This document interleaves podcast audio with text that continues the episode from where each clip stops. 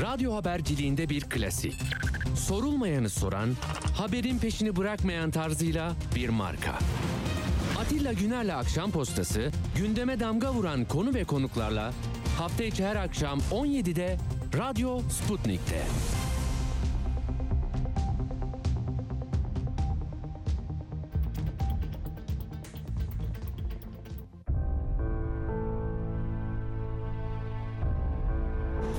Allah'tan bir ev alabilmişiz yıllar önce. Geçinmeye çalışıyoruz. Hayat standartlarının altında yaşamaya çalışıyoruz daha doğrusu. hiçbir şey almasanız 50-60 lira. Yani eve gidiyoruz hiçbir şey yok. Yani Geçiniyor ama ne şartına yani? Bir normal bir geçim değil yani. Sıkıntıyla geçiniyoruz yani. Ne yapalım yani? Başka bir çare yok. Yok ya ne geçinmesi diyorum işte. Nasıl para koyalım kenara bu hayat şartlarında? Her aldığımızı neredeyse ikinci seferinde aynı fiyata bulamıyoruz. Vallahi reis bizle beraber olduğu sürece biz aya da gideriz, uzaya da gideriz, her tarafa gideriz yani.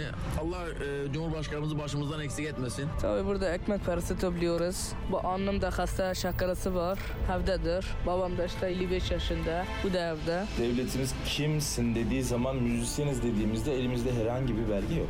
Onların arabasıyla gidiyorlar. Onlar arabayla gidiyor, biz çekecekler. Bizim arabamız yok ki. Atilla Güner'le Akşam Postası hafta içi her gün saat 17'de tekrarıyla 22.30'da Radyo Sputnik'te.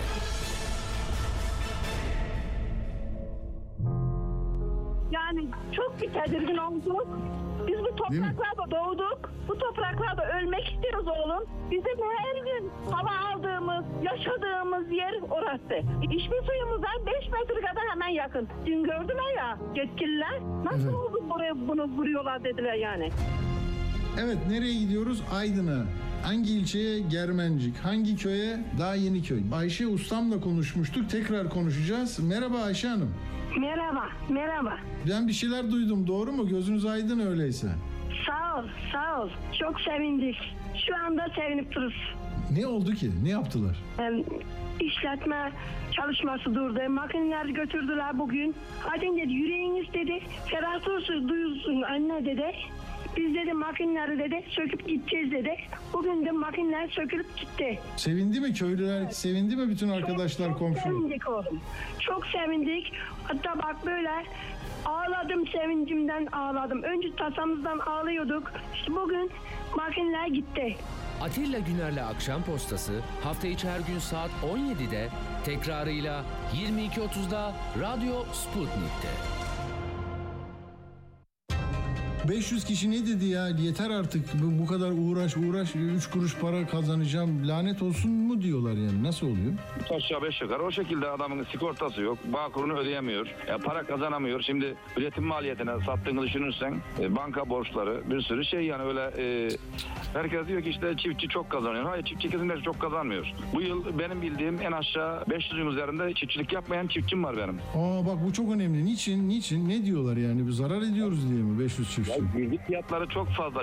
Domatesi bırakan adam nereye gidecek? O 500 kişi ne yapacak mesela 500 çiftçi? Başka şey mi ekecek? Ya hiçbir şey yok. Ya otelde çalışacak ya yövmeye gidecek Bak, ya e, bak. farklı yerlere gidecek ya da e, biz aç kaldık diyecek. Devletimiz onlara bir belli miktarda maaş verecek. Ekmek Ya, parası, çay parası neyse. Ya. Bak görüyor musun işte tarımın sorunu. Bu 500 çi- çiftçi üretimden niye vazgeçti? Herkes böyle 500-500 giderse değil mi? Öyle düşünmüyor musunuz? Çok kötü olmaz mı sonumuz ya? Ben ben şaşırdım ve çok üzüldüm. Hep bu söyleniyordu ama siz işin içindesiniz. İlçenin ziraat odası başkanısınız. Yani e, çok e, etkilendim bundan. Atilla Güner'le Akşam Postası hafta içi her gün saat 17'de tekrarıyla 22.30'da Radyo Sputnik'te.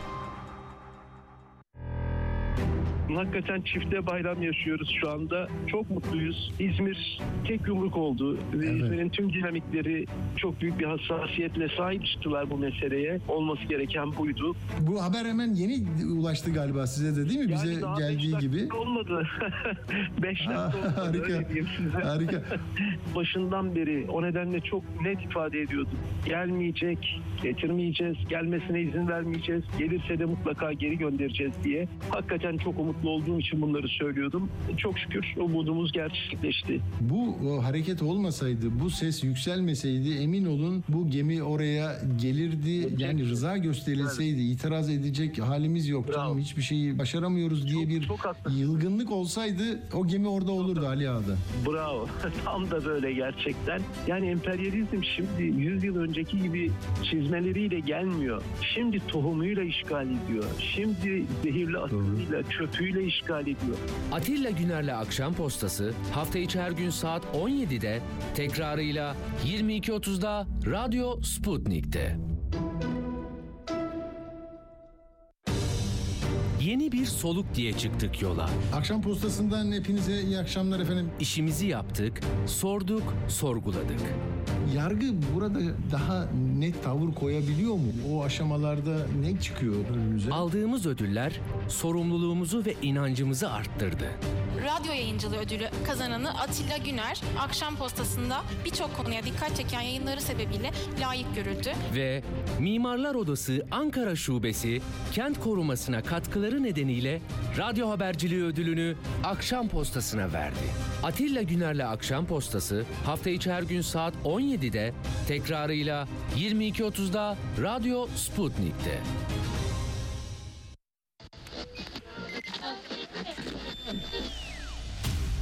Radyo Sputnik yeni yayın döneminde de dop dolu. Ali Çağatay, Hayatın seyircisi değil, seyir halinin öznesi olabilmemiz için gün daha doğmadan haber için yola düşüyoruz. Atilla Güner, Bizim işimiz ayrıntılara erişmek. Hayatın her alanından, her konudan hakikate varmak istiyoruz. Her akşam bunun için mikrofon başındayız. Ceyda Karan, İçinde yaşadığımız çağı ve insanlığın büyük macerasını anlayabilmek için dünyanın her köşesine uzanıyoruz. Meliha Okur, Sadece yüksek siyasetin koridorlarında gezinmiyor, insanlığın temel sorunlarına bakıyor, gelecek nesiller için bugünün hatalarını sorguluyoruz. ve Enver Aysever. Çok seslilikten vazgeçmiyoruz. Görevimizin tarihe not düşmek olduğunu biliyoruz. Herkese ifade özgürlüğü tanıyor, söz hakkı veriyoruz. Türkiye'nin ödüllü haber radyosu Radyo Sputnik, özgün içeriği ve deneyimli haberci kadrosuyla yeni yayın döneminde de sizlerle. Radyo Sputnik, anlatılmayanları anlatıyoruz.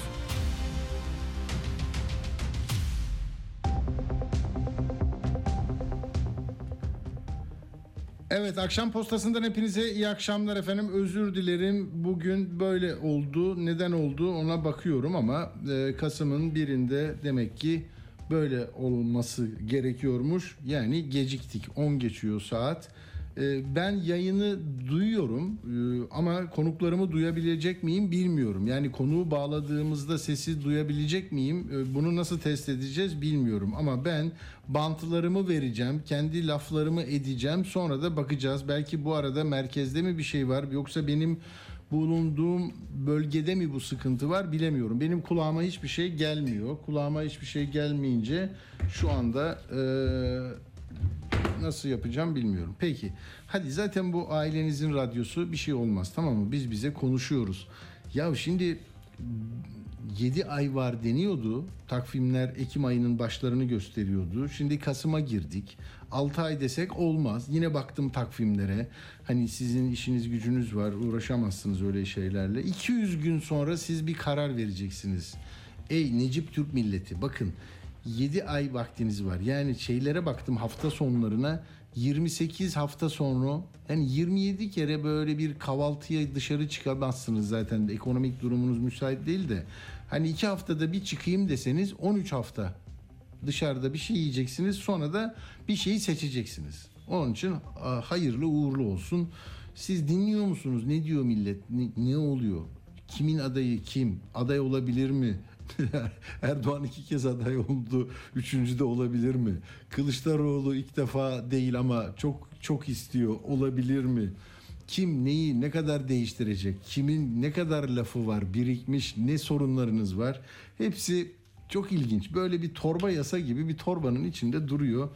Yani selametle bu seçim akşamına ulaşalım. İyi olacak inşallah diyelim. Şimdi pres var tabii. Herkes aman yanlış yapma diyor. Böyle e, olur ya yani yeni bir müsamere çalışması yaparlar öğrenciler ortaokulda öğretmenleri onları bir sahneye koyar ama yanlış yapmayayım diye asıl söylemek istediğini de söyleyemez. Böyle bir gerilim hattı oluşur vesaire. Şimdi de siyasiler hem konuşuyorlar hem de konuşmalarından da mağdur olmamak istiyorlar. O çok mümkün değil. İşte Mahir Ünal böyle kelimeleri ne seçerek değil mi çalışılmış bir şekilde lügatınızı, alfabenizi, düşünme setlerinizi dedi. Sonra Bahçeli hop ne oluyor dedi. Ama hop ne oluyor derken bile bakın başka arkadaşlara dönük o sert laflarını kullanmadı da hani gerçekliği çarpıtmaktır, dilimizi e, karalamaktır, özgüven eksikliğidir dedi. Sonra oradan Mahir Bey e, affımı istiyorum dedi. Gitti yerini de hemen doldurdular. E, Özlem Zengin. Şimdi tamam bu oldu bitti.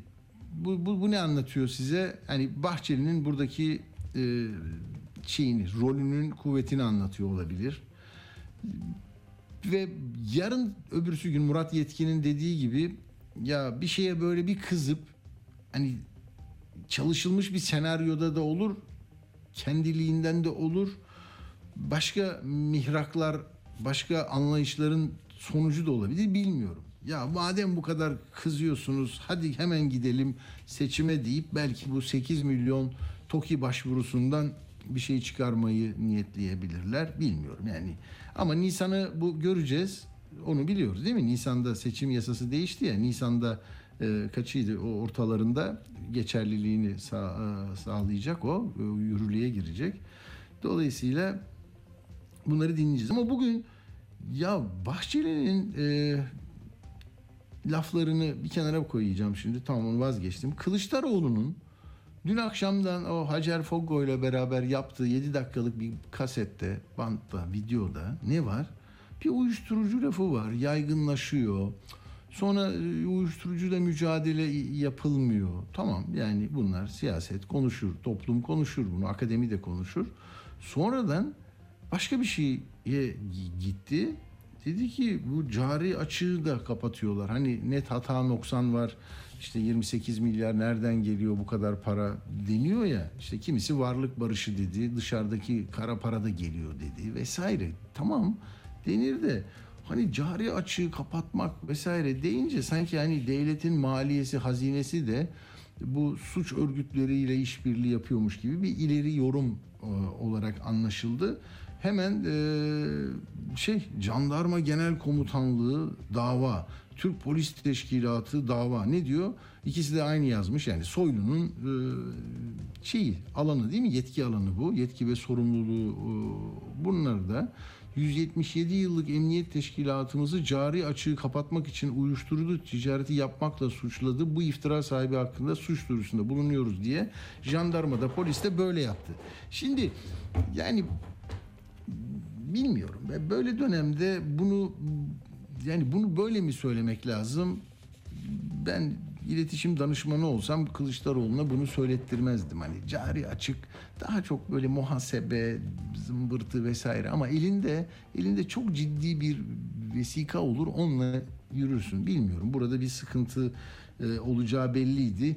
E, daha da bakalım Erdoğan ne diyecek buna kim bilir neler olacak bilmiyorum. Ama Kılıçdaroğlu'nun tabii dün akşam bunu söyledi. Bugün de grupta söyledi. Bir dinleyelim. Şöyle dedi ama meydan okumayı öylesine çıtayı yüksek ki şimdi o da vurmaya başladı. Hani Erdoğan sert ve böyle otoriter bir lider. Kılıçdaroğlu da onun benzeri şeyler yapıyor. Ama bugün kim yazmıştı? Birisi diyor ki yani AKP'nin e, şeyiyle, yöntemiyle AKP'yi yenemezsiniz. Yani bir yeni AKP olarak onu yenemezsiniz diyor. Bilmiyorum siz kararınızı verin. Ben yorum yapmıyorum tamam mı? Şimdi ama yani e, çok sert ya. Fitil fitil getiririm, süründürürüm, yakarım en son e, seni şey yapacağım dedi. E, cezaevinde dedi. E, çürüyeceksin dedi. Bir de suç örgütü liderleriyle çektiğin, baronlarla çektiğin fotoğrafların albümüne bakarsın dedi. Yani bu da hani karşı taraf hata etsin diye mi çok böyle üzerine hani biraz diplomasi dilini de katmadan çok sert acaba bunun nedeni ne Yani kendi içinde bulunduğu ruh hali mi, kendisi de mi e, hani meydan okurken herkese meydan okuyor. Hani ya benimlesiniz ya yok yok çekin ölümden dedi ya. Yani kimleri kastediyor? Partisinin kendisi yerine bir başkasını aday gösterme ihtimali zaman zaman çıkıyor, iniyor bu iddialar. Onu konuşacağız. Önce bir Kılıçdaroğlu'nun e, yani soyluyu direkt he- he- hedefe oturtması ve m, çok e, kendini bağlayan sözler söylemesi ilginç de onu dinleyelim. uyuşturucu baronlarını kökünü temizleyeceğiz.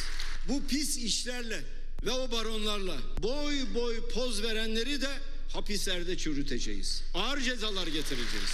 Bakın bu bütün anneler size söylüyorum. Bakın bu Bay Kemal'in sözüdür. Bunların tamamını yapacağım. Bay Kemal'in sözüdür. Hapiste belki albüme bakar da o eski günleri yad eder. Öyle kurumlara emir vererek de kendini kurtaramaz bu kişi.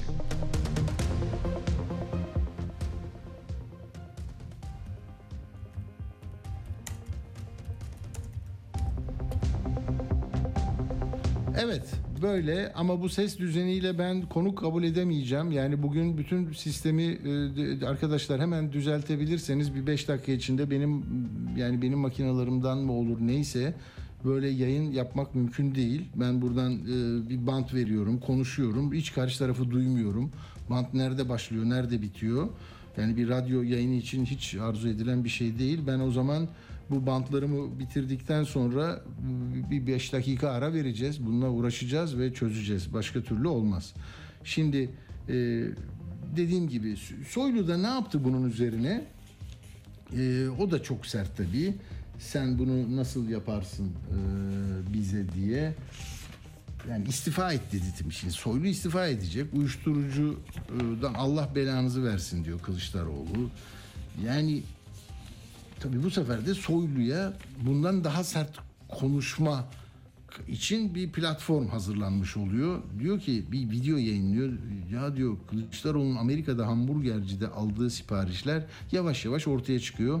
Yakanı bırakmayacağız. Yalanlarını yanına bırakmayacağız. iftiralarını yanına bırakmayacağız. Bu da bak hukuk devletinde hani e, on binlerce silahlı güvenlik görevlisine e, bakanlık yapan birisinin söylemeyeceği sözler. Artık şimdi açıldı ya bak bir kapı açıldığı zaman hani ben böyle derim sen benden daha çok e, sert şeyler söyleyeceksin ki hani gladyatörler böyle biz şey yapıyoruz mücadele ediyoruz bizim kim yenecek onlar karar vereceklermiş gibi deli saçması bir hal alıyor ya. Ee, sonunda Soylu da diyor ki e, işte diyor biz Türkiye yüzyılını açıkladık da TOG'u yaptık ya ondan yapıyorlar bunu diyor. Ama yine tehlike bak. Ya kontrolü kaybetmiş bir araba yani öyle park edebilir mi yani böyle bir züccaciye dükkanının önüne usulüne uygun park edebilir mi? Darmadağın eder. Gidiyor işte bak. Ne demiş biliyor musun? Bunlar Yalova'da mahkeme bastılar, hakime hakaret ettiler. Hani Vefa Salman'ın hakkı var, orada niye aldınız onu diyorlar. Bir kişi raporuna rağmen. Devam ediyor. Sadece o mu? Mersin'de, İstanbul'da belediye terörist. Bitti. Bak artık yani lafın devamı yok. Tamam? Bak bu 100 yıl, 100. yılına yaklaşan 99 yıllık Türkiye Cumhuriyeti'ndeki devlet aklı, devlet yapısı, organizasyonu, bakanlıkları, amirleri, yönetmelikleri, tüzükleri, anayasası, yasası, ceza kanunu, insan hakları, hukuk, ilişki, mesafe ne istiyorsan de bitti. Mersin terörist, İstanbul terörist. Bitti. Türkiye'nin iki büyük şehri. ikisinde CHP var. Birisinde sayı verdiler. Bu kadar aldım adam aldın diye. Halbuki öyle bir şey yok. Ee, üç kişi çıktı gasilhaneden falan. Neyse. Türkiye'nin her yerinde belediyelere terörist yerleştirdiler. Bunları örtmek için kendi tabanımı yalanlarla başka noktaya çekebilir miyim endişesi içinde. Ayıptır. Bu diyor falan yani böyle. Ya bunları okuyarak şimdi ben gazetecilik yani minderi içinde bir şey mi yapıyorum ya? Yani kim kime nasıl küfür etti, kim nasıl hukuku e, masa altına attı, halının altına süpürdü. Kabadayılar çarpışıyor. Hani işte bu şeyde vadi bilmem ne var ya İstanbul'da. Orada hani Gürcü ile İranlı kardeşler nasıl birbirine ateş ediyorlar. Nasıl böyle şeyler uyuşturucu baronları çapraz ateşte öldürülüyor falan filan. Yani meydan boş kalmış. Kılıçdaroğlu onları sayıyor. Yani an, bunu ispatla dedi Kılıçdaroğlu'na. O da diyor ki yabancı mafya geldi diyor. Paralar geldi diyor. Kırmızı bültenle aranan Sırp burada vuruldu diyor. Azeri lider burada öldürüldü diyor. Azeri uyuşturucu lideri. AVM'de Gürcülerle İranlılar çatıştı. Antalya'da yine öldürüldü birisi. Orta Doğu'da önemli bir uyuşturucu baronu da cezaevinden çıkarıldı. Yani İstanbul'a yerleştirildi ba- baronlar vesaire deyince artık ipin ucunu kaçırıyorsunuz arkadaşlar. Yani bir yani ölçülü, anlaşılır, ikna edici, sakin, huzurlu ve güven telakki eden bir gidişatı olmayınca sonra siyasete ilgisi yok diyorlar gençlerin. Kimse televizyona bakmıyor. Kimse haberlerden bir şey al- almak istemiyor. Çünkü niye alacak ya? Yani ümüğünü sıkarım, fitil fitil getiririm, yakarım, yukarım, işte vururum. Sen böylesin, teröristsin. Yani koskoca belediye siz oy verdiniz. Yani terörist yok diyorlar memlekette. Koskoca 80 bin kişi çalışıyor şeyde İstanbul Büyükşehir Belediyesi'nde terörist eşittir terörist. Öbür tarafta Mersin'de kim bilir 3-5 bin kişi çalışıyordur. Ee, yani olacak şey mi bilmiyorum. Ee, Bahçeli'de işte tabii bunda Mersin de var. Çünkü Mersin Büyükşehir Belediye Başkanı şey dedi. e, ben dedi e, bu silahlara hani savaş diline belki de onu söylemek istedi. Dedi ki Vahap Seçer, ikinci yüzyıl vizyonu tank, top, İHA, SİHA, vur, kır, öldür, kahramanlık türküleri. Cumhuriyet bunun için kurulmadı. Cumhuriyet medeniyet projesidir, barış projesidir, demokrasi projesidir, eğitim, çağdaşlık projesidir dedi diye Bahçeli onu hemen notunu almış. Tamam mı?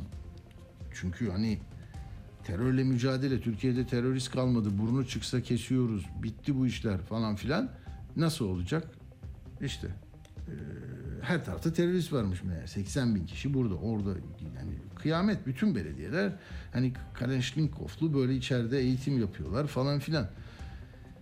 Ee, Bahçeli işte bir oraya e, notunu almış. Bir de Şebnem Korur Fincancı'yı zaten e, başından beri baş mesele olarak kabul ettiği için MHP yönetmen Özcan Alper Boğaziçi Film Festivali'nde ödül alınca onu e, kendisine at e, ithaf etti. Dedi ki bunu Şebnem hocama e, ithaf ediyorum. Bahçeli de işte ona kızdı. Alın yani o, dinleyelim bakalım hadi. belediyesinde PKK'lıları işe alıp terör yuvası haline getiren CHP'li bir belediye başkanından başka bir söz duymak mümkün müdür? Teröristler sınır içinde, sınır ötesinde, dağda, ovada bu küstahın yönettiği belediyede yakalanıp etkisiz hale getirildikçe kuduruyorlar, çılgına dönüyorlar. Andolsun sizi kudurtmaya devam edeceğiz. Sayın Belediye Başkanı hasbel kader seçildin ama hasbel kader Akdeniz'e dökülmeyeceksin. Biz kahramanlık türküleri söyleyeceğiz. Siz saklanacak delik bile bulamayacaksınız. Tankımızdan, topumuzdan, siyahımızdan, İHA'mızdan rahatsız olanlar terörün yediğine düşmüş onursuzlar, onursuzlardır. Nitekim onlara huzur yüzü yoktur, onlara rahat yoktur, onlara merhamet yoktur terörizme, ihanete, melanete, rezalete barış diyenler barışın yegane düşmanıdır. Bu tiplerin barış, adalet, demokrasi ve özgürlük çıkışları Türkiye'ye kurulmuş bir nevi bombalı tuzaktır. Evet. Evet Bahçeli de böyle bakıyor meselelere. Şimdi e, HDP'den de Pervin Buldan bugün e, meclis kürsüsündeydi. Grup konuşmasını yapıyordu. Onun da gündeminde Türkiye yüzyılı meselesi var. O konularda e, partisinin görüşlerini özetledi aşağı yukarı. E, bir dinleyelim, dinleyelim. Pervin Buldan'ı dinleyelim, bekletmeyelim.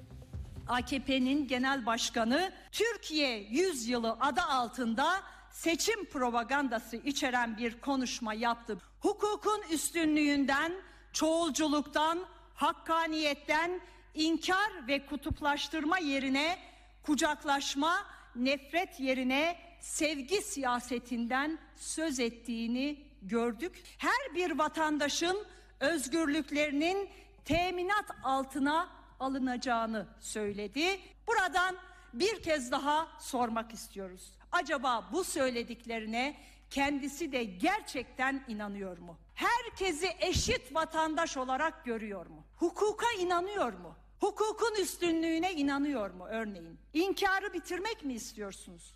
Buyurun hemen tecriti sonlandırarak buradan başlayabilirsiniz diyoruz size. Evet. Böyle HDP'nin görüşleri de böyle özetlendi. Şimdi madem bile bir teknik sorunumuz da var. Bunu aşmak için de sizden 5 dakika rica edeceğiz ve affınıza sığınacağız hakikaten. Ben e, hani konuk bağlayamıyorum. Konuklarımdan da özür dilerim. Beni duyanlar da vardır. Bağlanıyoruz. E, Atilla şu anda ne yapıyor diye. Bir yandan da arkadaşlar ilgileniyor. Ama ben şu şeyi aktaracağım size. E, 10 5 dakika mı 10 dakika mı alacak. Bu Cumhuriyet Halk Partisi'nin e, altılı masayı oluşturması ve e, 20 yıl sonra e, Adalet ve Kalkınma Partisi iktidarına e, güçlü bir alternatif oluşturması yani muhafazakar e, kesimlerin daha yoğun olduğu CHP'nin iri parti, iyi parti ondan sonra diğer dört parti var biliyorsunuz artık. Neyse e, gidişat nedir? İşte böyle ayda bir, bir buçuk ayda bir oturumlar var. 14 Kasım yaklaşıyor. Görünüm ne? Yani genel görünüm ne? Mesela siz ola ki her yazıyı nasıl takip edeyim? İşte uygulamalar var. Yazar oku diye bir uygulama var. İşte biz oraya giriyoruz, bir har şey yazıyoruz, kelime yazıyoruz. Kim nasıl değerlendiriyor? Her kesimden insanların e, duygu dünyasını, zihin dünyasındaki yeni yeni atraksiyonları falan görebiliyoruz. Görmeye çalışıyoruz diyelim. Benim şu, bu ara bir, birkaç da görüşme yapmışlığım var tabii. Yani parlamentodan, e, parti genel merkezlerinden, bu meseleleri bilen araştırmacılardan. Genel gidişatla ilgili şunu söylemek istiyorum. E, Kemal Bey biraz stres yüklü. Yani altılı masada artık adaylığın açıklanmasına adım adım yaklaşılırken kendisi dışında bir adayın e, kibarca, zarif bir şekilde belki de bir plan dahilinde önüne getirileceğini ve efendim acaba sizin yerinize şunu denesek bakın anketlerde de böyle e, hemen e, size Arda yazıyor benim şeyimi de bozdu. Ben söyledim zaten 5 dakika ara vereceğimi. Ee, neyse e, yani Kemal Bey buradan aday olarak çıkmama ihtimalini hesaba katıyor gibi geliyor bana. Konuştuklarımdan da çıkarıyorum. Bir genel tablo çizeceğim izin verirseniz. Çok yapmam ya böyle bir şeyi. Hani radyoda bugün bu haldeyse e, sesimi e, yani sizlerin sesini duyamıyorum. Konukların sesini duyamayacağım. O yüzden şimdi bakın şu yorumları yapıyor e, pek çok insan. Masa Meral Akşener'in giderek ses tonunu yükseltmesi ve Kemal Bey'e bu meseleyi ikimiz halledeceğiz. Diğer küçük partilerin oradaki bir oyu çok e, kıymetli olabilir ama asıl yükü çeken biziz. Ben de seninle bu meseleyi konuşmak istiyorum. Daha sonra da onlar ayrılırsa ayrılırlar aday çıkarırlar ama bizimkini biz halledelim gibi bir e, senaryo, bir projeksiyon üzerinden hareket ettiğini ve önümüzdeki zaman diliminde belki 14 Kasım, ondan sonraki bir toplantı, daha sonraki yani aday belirlemeye yaklaşınca masayı dağıtanın Meral Hanım olma ihtimalinin kuvvetlendiği söyleniyor. Bu ne demek? Kendisini başbakanlık pozisyonuna e, ışınlamış ama Cumhurbaşkanlığı seçimine de e, tabii istediği insan gelsin ki bu yükselen grafiğimle ben onu seçtireyim. Sonunda da sorun olmasın diyor. Bunun için şimdi CHP kulislerinde konuşulan ilginç geldi bana. Meral Hanım dağıtmadan önce e, ondan önce CHP ön almalı diyenler var. Bakın meclis grubu çıksın diyorlar. Kemal Kılıçdaroğlu Cumhurbaşkanlığında aday adayımızdır diye. Anayasa Cumhurbaşkanı adaylığını e, parti gruplarının belirleyeceğini söylüyor. Ya da 100 bin imzayla hani gidiyorsunuz ya. E, yani bunu duyunca ben biraz şaşırdım. Niye böyle erken konuşuluyor? Ama öyle. Hatta dediler ondan sonra işte Merkez Yürütme Kurulu, il başkanları falan. Yani Kemal Bey'e o kadar bir güçlü bir kart versin ki masada ya bakın bütün ben işte yüzde yirmi beşlerde oyum var ve beni istiyorlar diyor. Meral Hanım'la pazarlığı böyle yürütsün, elini güçlendirelim diyenler var.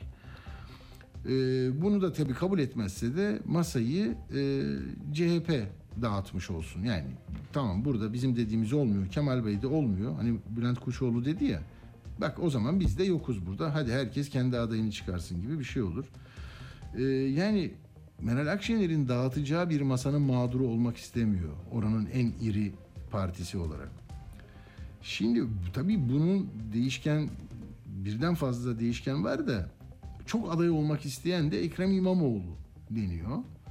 Ee, onun çok böyle derinden çalıştığı ve sonunda bu masada Kemal Bey'in onay alamayacağını ve kendisine dönüleceğini e, tahmin ediyor. Görünüşte sözlerinde bu- buna e, dair hiçbir iz yok ama çalışmalarını işte danışmanıyla, heyetiyle, parti içiyle, yerel yönetimlerde 14 Cumhuriyet Halk Partili belediye başkanı var mesela İstanbul'da. Onlarla sık sık toplantı yapıyor. Mesela son toplantılardan birinde artık şöyle hatta son denilebilir. Demiş ki e, işte konuştuk yerel yönetim, CHP belediyeciliği, ihtiyaçlarımız, bizim yaptıklarımız, yapacaklarımız ama şimdi e, isterseniz bir de Cumhurbaşkanlığı adaylığı meselesi, partimiz ne yapsın, ne oluyor diye 2-3 hatta 4 belediye başkanı Kemal Bey'in adaylığını böyle en kuvvetliden hani olsa iyi olur'a kadar bir 4 kişi varmış. Diğerleri de renk vermiyor. Ha bu ne demek? Yani Ekrem Bey ile çok yakın ilişkileri olan ilçe belediye başkanları da mesela Ekrem Bey ile hareket etme e, potansiyeline sahip olabilir yani bilmiyorum. Ee, bir, bir şey diyorlar mesela ya çekilin önümden ya da destek olun demişti Kemal Bey. Bundan tam 6-7 saat sonra da e, Ekrem İmamoğlu destek tweet'i atmıştı. Ee, yani destekliyorum anlamında. Orada biraz böyle sönümlenmiş diyorlar ya şimdi yeni moda. Öyle bir şey var ama boşluk bulunca da yeniden böyle Ekrem Bey kendisini 150 günde 150 proje falan gösteriyor. Ee, şimdi mesela 14 Kasım öncesi bu Londra nereden çıkıyor? Ee, arkasından Almanya, Amerika Birleşik Devletleri. Ya bunu da çok ben ihtimal vermiyorum ama e, çocuklar yayın sesi gelmeye başladı bana. Tamam bak ya sorun benden değilmiş ve başarılı bir şekilde çözdü arkadaşlar. O zaman ilk konuğumuzu hemen alacağım. Ben toparlıyorum. Ee, bu durumda e, nereye gelmiş olduk? Saatimiz de çok geç değil. Tamam güzel. Biraz sonra bir 5 dakika sonra e, önce e, Kemerköy'e mi gidelim avuk yoksa maden faciasına gidelim. Önce maden faciasına. Tamam. Şimdi arkadaşlar e, benim söylediklerim ulaştı umarım size. Ya bir de böyle hani hepsi ulaştı diyor. Necdet bütün Türkiye adına cevap verdi. Hepsi ulaştı diyor. Yani tamam güzel. Peki ben konuştum. Bak çok konuşturdunuz beni. Niye? Teknik şeyimizi, sıkıntımızı gidersin ama biraz da hani fasulyeden konuşmayayım diye hakikaten ciddi şeyler söyledim. Arkadaşlar lütfen. Bak Cumhuriyet Halk Partililer var, başka partililer var. Ne oluyor diye merak ediyorlar. Benim gözlemlediğim bu. Yani Kemal Bey ile ilgili bugün Murat Sabuncu'nun söylediğini de size söyleyince belki de şeyi tamamlayacaksınız. Murat Sabuncu T24'te İmamoğlu'nunla karşılaşmasını anlatıyor. Çok keyifli bir tablo çizmiş. İnsani, işte koruması yok. Boğaz'da karşılaşmışlar vesaire. Sakin diyor. Böyle bir hareket tarzı yok diyor. Hani adaylık konusunda falan ama sonra bağlama cümleleri bitiş de çok önemli geldi bana. CHP şu anki durumda en azından kendi içinde adı adaylıkta geçen diğer iki, iki isimle İmamoğlu ve Mansur Yavaş Kılıçdaroğlu arasında herhangi bir sıkıntı, risk görüntüsü vermiyor. Kemal Bey hala partide adaylık için en öne çıkan isim. Yarın bu değişir mi? İşte bak kritik soru. Yarın bu değişir mi? Murat Savuncu diyor ki hayır denemez. Değişir diyor yani. Ancak şurası kesin. Kılıçdaroğlu aday olsa da olmasa da CHP aday konusunda tek ses olacak. Bak burada da bir bilgi var. Murat yüzlerce insanla konuşur. İçeride bir denge sağlandı. Bakalım altılı masada aynı denge sağlanabilecek mi? Yani bakın ibre ibre biraz değişiyor. Teneffüs ettiğimiz havadan anlarız biz. Yani anlamaya çalışırız. Hadi bilmişlik yapmayalım da hani Kemal Bey'in o e, muazzam bir e, planlamayla sıfırdan neredeyse işte aday bu. Sonra Bülent Kuşoğlu'nun yani o çıkmazsa böyle şey mi olur diye demesi. Meral Hanım'ın biz noter miyiz demesi giderek Kemal Bey'in e, ya olmasa çok iyi çok iyi bir masa kurdu ama olmasa acaba nasıl yapsak falan böyle bir karın ağrısı bir sancı başladı. Bak buradan ne çıkar bilmiyorum ama Ekrem İmamoğlu ben çıkayım istiyor. Siyaseten bunu söylemez, size de söylemez, karısına da söylemez muhtemelen. Ya da bir tek karısına söyler, eşine söyler. Ama dediğim gibi e, bu e, Murat Sabuncu'nun yazısında da onu yakalayabiliyorsunuz. Bir de Özgür Özel'in ya bu da çok enteresan bak onu atlamayalım. Hande Fırat'a konuşuyor. Ya bu Hande Fırat bir de Bülent Kuşoğlu'yla da konuşmuştu. Böyle Cumhuriyet Halk Partisi'nin önemli sözcülerini, önemli isimlerine böyle hani hürriyet olarak yaklaşıyor. Hande Fırat hani 15 Temmuz'un hani iPhone gazeteciliği yaparak olağanüstü e, şey atlayan kademe atlayan gazeteci arkadaşımız o diyor ki soruyor Kılıçdaroğlu'nun olası adaylığı hakkında ne düşünüyorsunuz? Bakın Özgür Özel ne diyor ya? Kemal Bey'in pek çok açıklaması kişisel adaylık talebi olarak okunuyor. Oysa CHP'nin iktidar talebi olarak okunsun. Kemal Bey değil biz istiyoruz diyor. Bak bu çok önemli. İki, siyasetteki genel akışa göre CHP'nin içinde genel başkanın adaylığı konusunda neredeyse tam mutabakat var. Neredeyse. Anlaşıldı. Neredeyse'yi kaldırırsan tam mutabakat var. O çok kuvvetli siyasette. Neredeyse. Yani biraz itiraz var. Ancak kararı altılı masa verecek. Kemal Bey ufacık bir sorun olsa talepkar olmak yerine fedakarlığı seçer. Ya ben bunu birkaç kere söyledim de. Kemal Bey'in böyle hani evinde yaptığı o mutfakta yaptığı bir videoda bir gün şöyle bir şey çıkma ihtimali var mı diyordum ben siyasetçilere, CHP'li yöneticilere de. Yani çıkıyor ben barıştırmak için, helalleşmek için varım. Çocuklarımız aç uyumasın. Hep bunu istedim. Tek gayem bu. Kendim için istemedim. Saray istemedim. Ama geldiğimiz noktada ben bu birliği, beraberliği, bu e, ahengi korumak için kendi adıma fedakarlıkta bulunuyorum. Feragat ediyorum ve şu kardeşimi alıyorum vesaire. Böyle bir şey olabilir mi? Ben bak Özgür Özel'in lafından buna yakın bir beklenti olabilir bir gün. Onu çıkardım. Böyle diyor bak. Kemal Bey ufacık bir sorun olsa. Bak sorun ufak olsun. Talepkar olmak yerine fedakarlığı seçer. Bitti. Ben burada susuyorum. Bir küçük ara verelim. Ondan sonra konuklarımızla gideceğiz. Maden faciası nasıl yaşandı? Göz göre göre o cinayet nasıl işlendi? Ve o tutuklamalar 13-14 gün sonra niye geldi? Onu konuşacağız. Yeni bir soluk diye çıktık yola. Akşam postasından hepinize iyi akşamlar efendim. İşimizi yaptık, sorduk, sorguladık.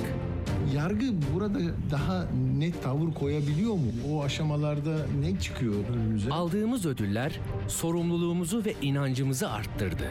Radyo yayıncılığı ödülü kazananı Atilla Güner, akşam postasında birçok konuya dikkat çeken yayınları sebebiyle layık görüldü. Ve Mimarlar Odası Ankara Şubesi kent korumasına katkıları nedeniyle radyo haberciliği ödülünü Akşam Postası'na verdi. Atilla Güner'le Akşam Postası hafta içi her gün saat 17'de tekrarıyla 22.30'da Radyo Sputnik'te.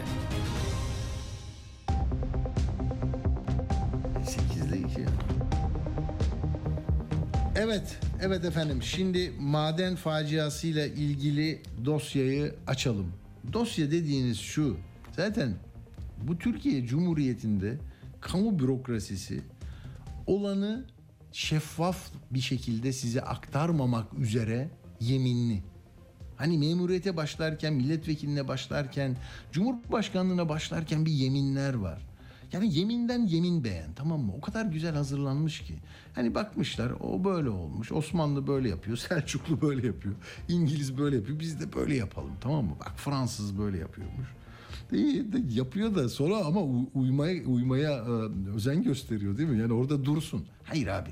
Bak biz yemini güzel edelim. Alalım onu koyalım buraya tamam mı? Ondan sonra da edelim yeminimizi onu kenara koyalım. Yeminle başka da bir bağlantımız olmasın. İçeriğiyle de. Onun kapsadığı alanla da ilgili. Biraz böyle. Yahu bakın maden faciasındaki bilirkişi raporu nasıl anlatıyor biliyor musunuz? Her şeyi. Konum e, hatta mı bu arada? Peki ben uzatmayacağım. Derviş avukat Derviş Aydın hattımızda. Ee, Derviş Bey merhaba hoş geldiniz. Merhabalar, iyi yayınlar. Hoş bulduk. Çok teşekkürler. Şimdi bir, bir bilirkişi raporundan e, başlayalım. Sonra 8 tutuklu var değil mi? En son 8'di. 8 olması lazım. Yani tamamlanmış olması gerekiyor sorgular. Evet. Sizin e, siz e, Amasra'da mısınız? Takip ediyor musunuz adliyede de? Ee, ben dün Amasra'daydım. Bugün değilim ama. Ama takip Tamam. ediyoruz yani. Tamam. Bilirkişi raporunda da işte 28 sayfalık bir ön rapor var. İsterseniz oradan başlayalım. Yani benim notlarım var. E, havalandırma yeterli olsa engellenirdi diyor. Doğru mu? Bunlar mesela isterseniz bunları ben böyle bir gazeteci gibi başlıklarını e, halledeyim. Gazeteci gibi değil, gazeteciyim zaten hani gazeteci başlıklarıyla söyleyeyim. Havalandırma sistemi yeterli etkili olsaydı olayın meydana gelmesi önlenirdi diyor. İşe devam etmişler. Bir sürü problem çıkmış. %5'i geçmiş e, gaz ama yine devam etmişler. Durduklarına dair bir şey yok diyor. Üretim miktarında da azalma olmamış. E, Ölümüne çalıştırmışlar diyor. Metan drenajı uygulaması hayata geçirilseydi kaza önlenirdi diyor. E, rapor bak dene, bunu e, çok özür dilerim Derviş Bey. Bunu az önce de onu söylemek istiyordum. Biz de hani hep şunu söylediler.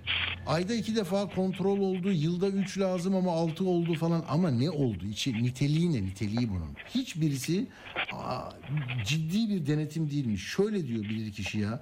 Maden işletmesinde gerçekleştirilen denetim faaliyetleri sonucunda hazırlanan raporlarda havalandırma, metan drenajı, kömür dozu müca- ile mücadele ve benzeri konularda tespit ve iyileştirmeye yönelik bir talep, öneri ya da yaptırım uygulanmamıştır denetleme mekanizmasının gereken etkinliği sağlayamadığı görülmüş kazanın meydana gelmesinde etkisi vardır diyor. Eğitim verilmemiş diyor. Daha daha ne olsun ya? Siz ne diyorsunuz? Peki buradan sizin çıkarımınızı da merak ediyorum. Siz e, daha önce de belki böyle olaylara e, dahil oldunuz. Ee, Evet evet ben aynı zamanda Soma e, katliamını da e, Hmm. takip eden avukat ekibi içerisindeydim. E, Çağdaş Hukukçular Derneği'nde. E, yani aslında e, karşımızdaki tablo cidden dehşet verici. E, çünkü bütün yani bilim kişilerin e, tespitini yaptığı e, bu riskli durumlar zaten öncesinde basına da çokça yansıdı. Sayıştay raporlarında çok net şekilde ifade edilmişti.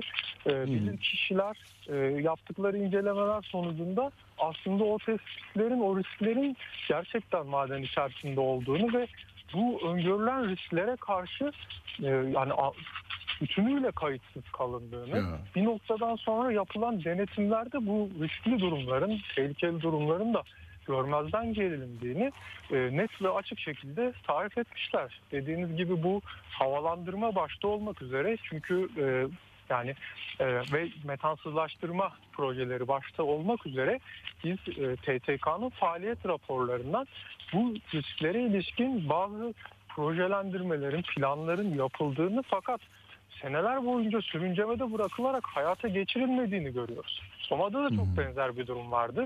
Havalandırma e, ya dair bir revize proje yapılıyordu öngörülen risklere, risklerden e, kurtulabilmek için, daha güvenli bir çalışma ortamı oluşturabilmek için projelendiriliyordu havalandırma yeniden. Fakat bu e, hayata geçirilmiyordu.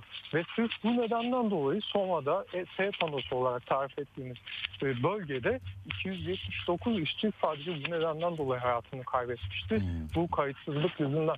Burada da benzer bir tablo karşımızda. Yine öngörülen riskler var. Yine e, kısmi olarak projelendirilen bu riskleri e, önlemek için işler var. Fakat müthiş bir kayıtsızlık var yine. E, yaklaşık olarak yani 2015'te benim bildiğim e, bunun yönetmelikle değiştirilmesi gerektiği, havalandırma düzenlemelerinin yapılması gerektiğine dair bir yönetmelik e, değişikliği yapılıyor. Oradan itibaren zaten hemen vakit kaybetmesinin düzenlenmesi gereken altyapı işleri ve yatırımları bunlar. e, 2018'de olması lazım. E, ilk faaliyet raporu projelendirmesine giriyor ana nefeslik aspiratörü projesi olarak. E, fakat e, sonrasında 4 sene boyunca e, bu hayata geçirilmiyor. Bunu da net olarak tarif ediyoruz. Bu aynı zamanda işçiler tarafından da bilinen bir e, sorun. Çünkü e, ifadelerde e, işçilerin de havalandırma revizyonundan e, dolayı ileriki bir tarihte işte e, izne çıkacaklarına ilişkin bilgileri olduğunu görüyoruz ama bunun geçmişi yaklaşık olarak yani 2015'ten başlatırsak 7 seneye dayanıyor. Böyle bir kayıtsızlık e, akıl alır gibi değil ve yani Peki bu denet, denetleme yapıp imza atanlar da hukuken sorumlu olmayacaklar mı? Yani bunu görmeyenler de e, onlar hakkında da bir yasal takip gerekmiyor mu? e, yani tabii ki de gerekiyor. Çünkü yani siz bir İşini yapmamış yani o da görevi ihmal değil mi o? Görevi ihmal olmuş. Kesinlikle bu sadece görevi ihmal değil. Bu tarz denetimsizlikler daha ciddi. Aynı zamanda e, raporda da tarif edildiği üzere yaşanan ölümlerin ölümlerden sorumlu tutulabilecekleri düzeyde bir e, doğrudan sorumluluk tarif ediliyor. Çünkü hani bu, kayıtsızlık bir noktadan başladıktan sonra bu şekilde devamı geliyor. Eğer e, denetlemeler son iki sene içerisinde belki daha e, sıkı şekilde yapılsaydı e, buna ilişkin e, planlanan projelerde hayata geçirilebilirdi. Ama e, bunun da yapılmadığını zaten bilir kişiler çok net şekilde tarif etmişler. Doğru.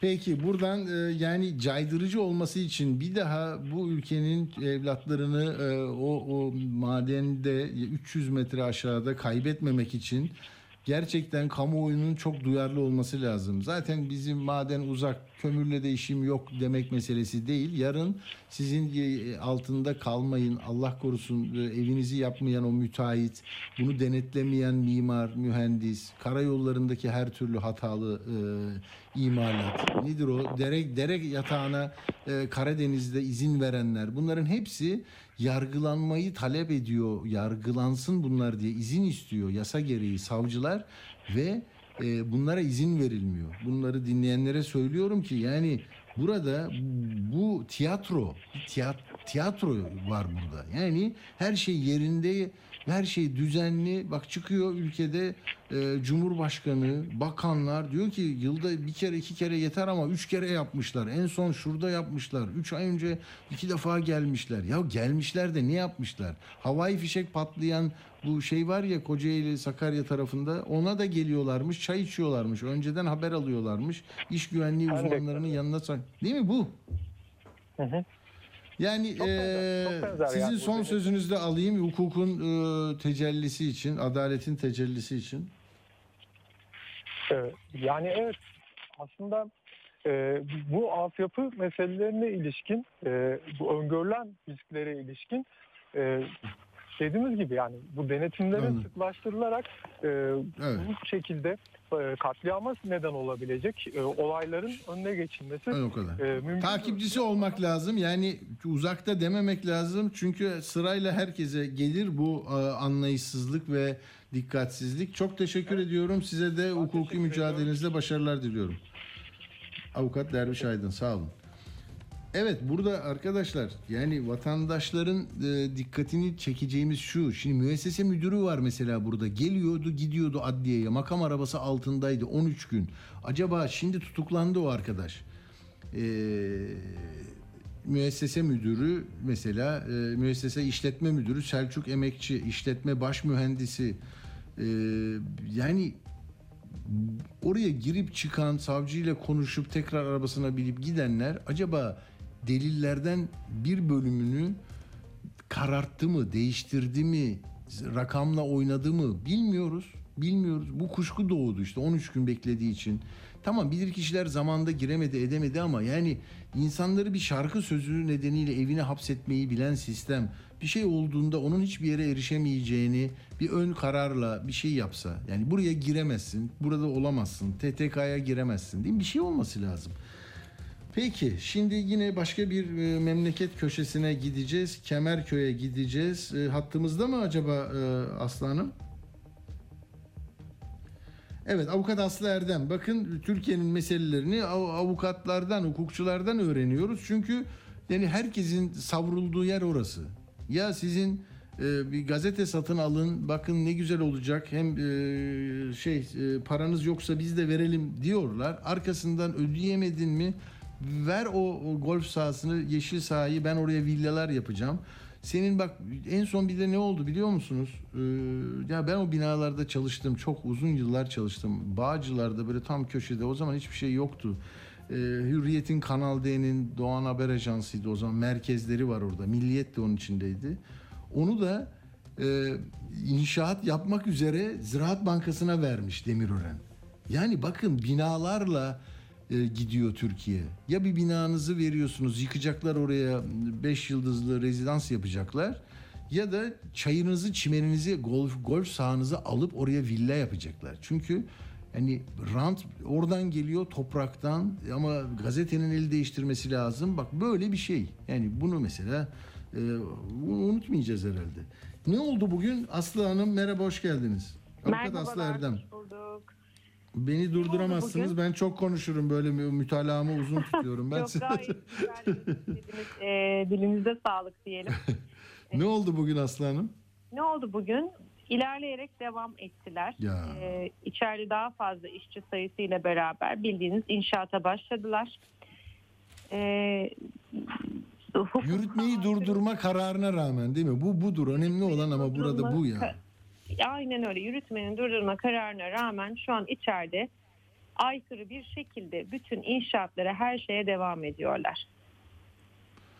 Peki orada insani bir hani direniş olsa ne yapacak? Hanımefendileri görüyorum orada ellerinde pankartlar işte dövizlerle Direniş duruyorlar değil mi? diyorsunuz ama dün e, beyan oldu. etmiştim.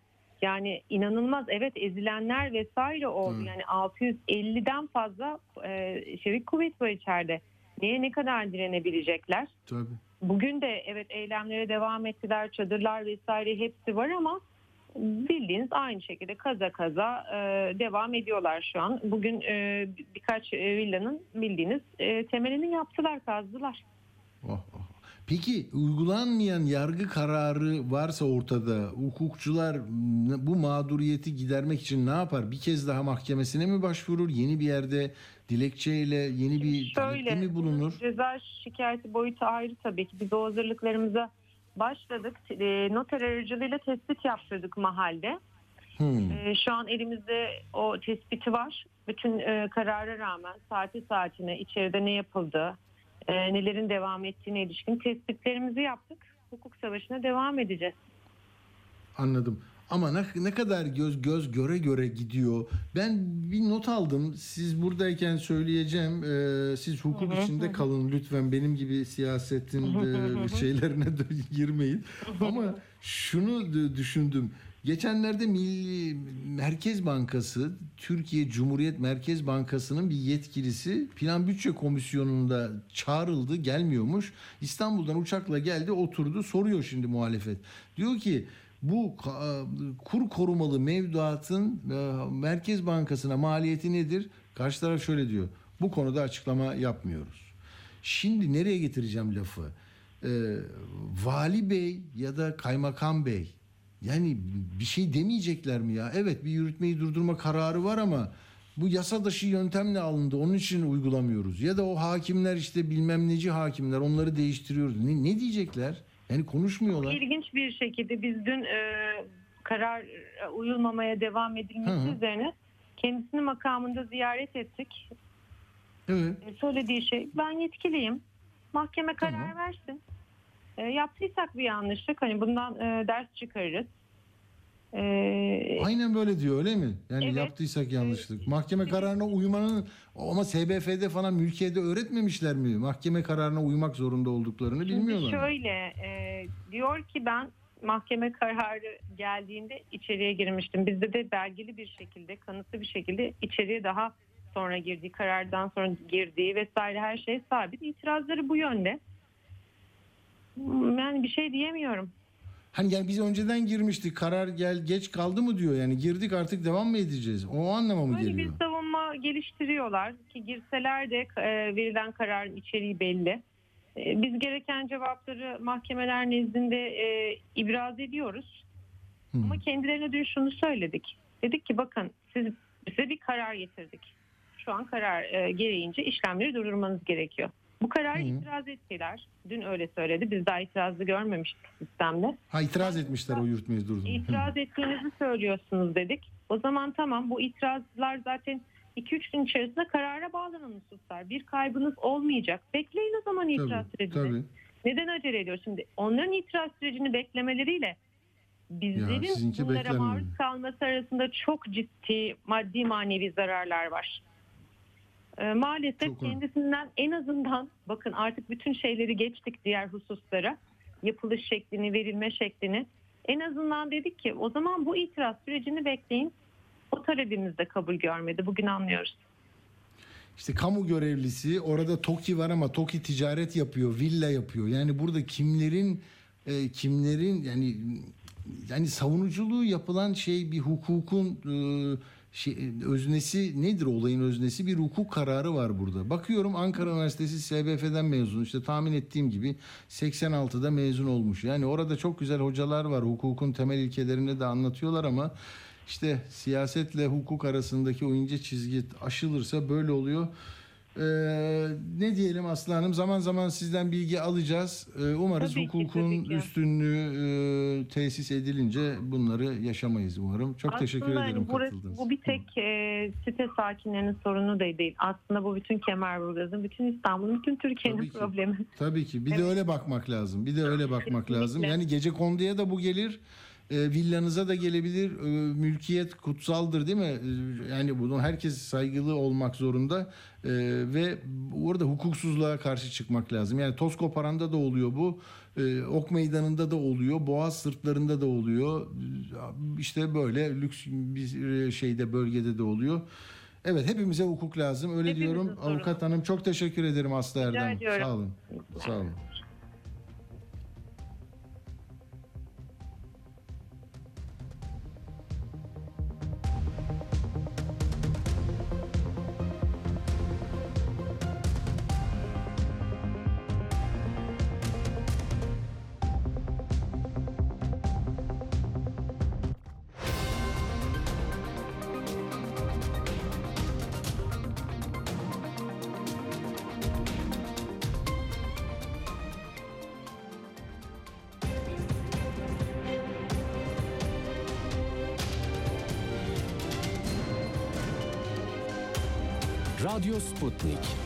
Anlatılmayanları anlatıyoruz.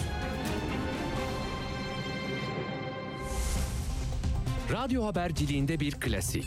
Sorulmayanı soran, haberin peşini bırakmayan tarzıyla bir marka.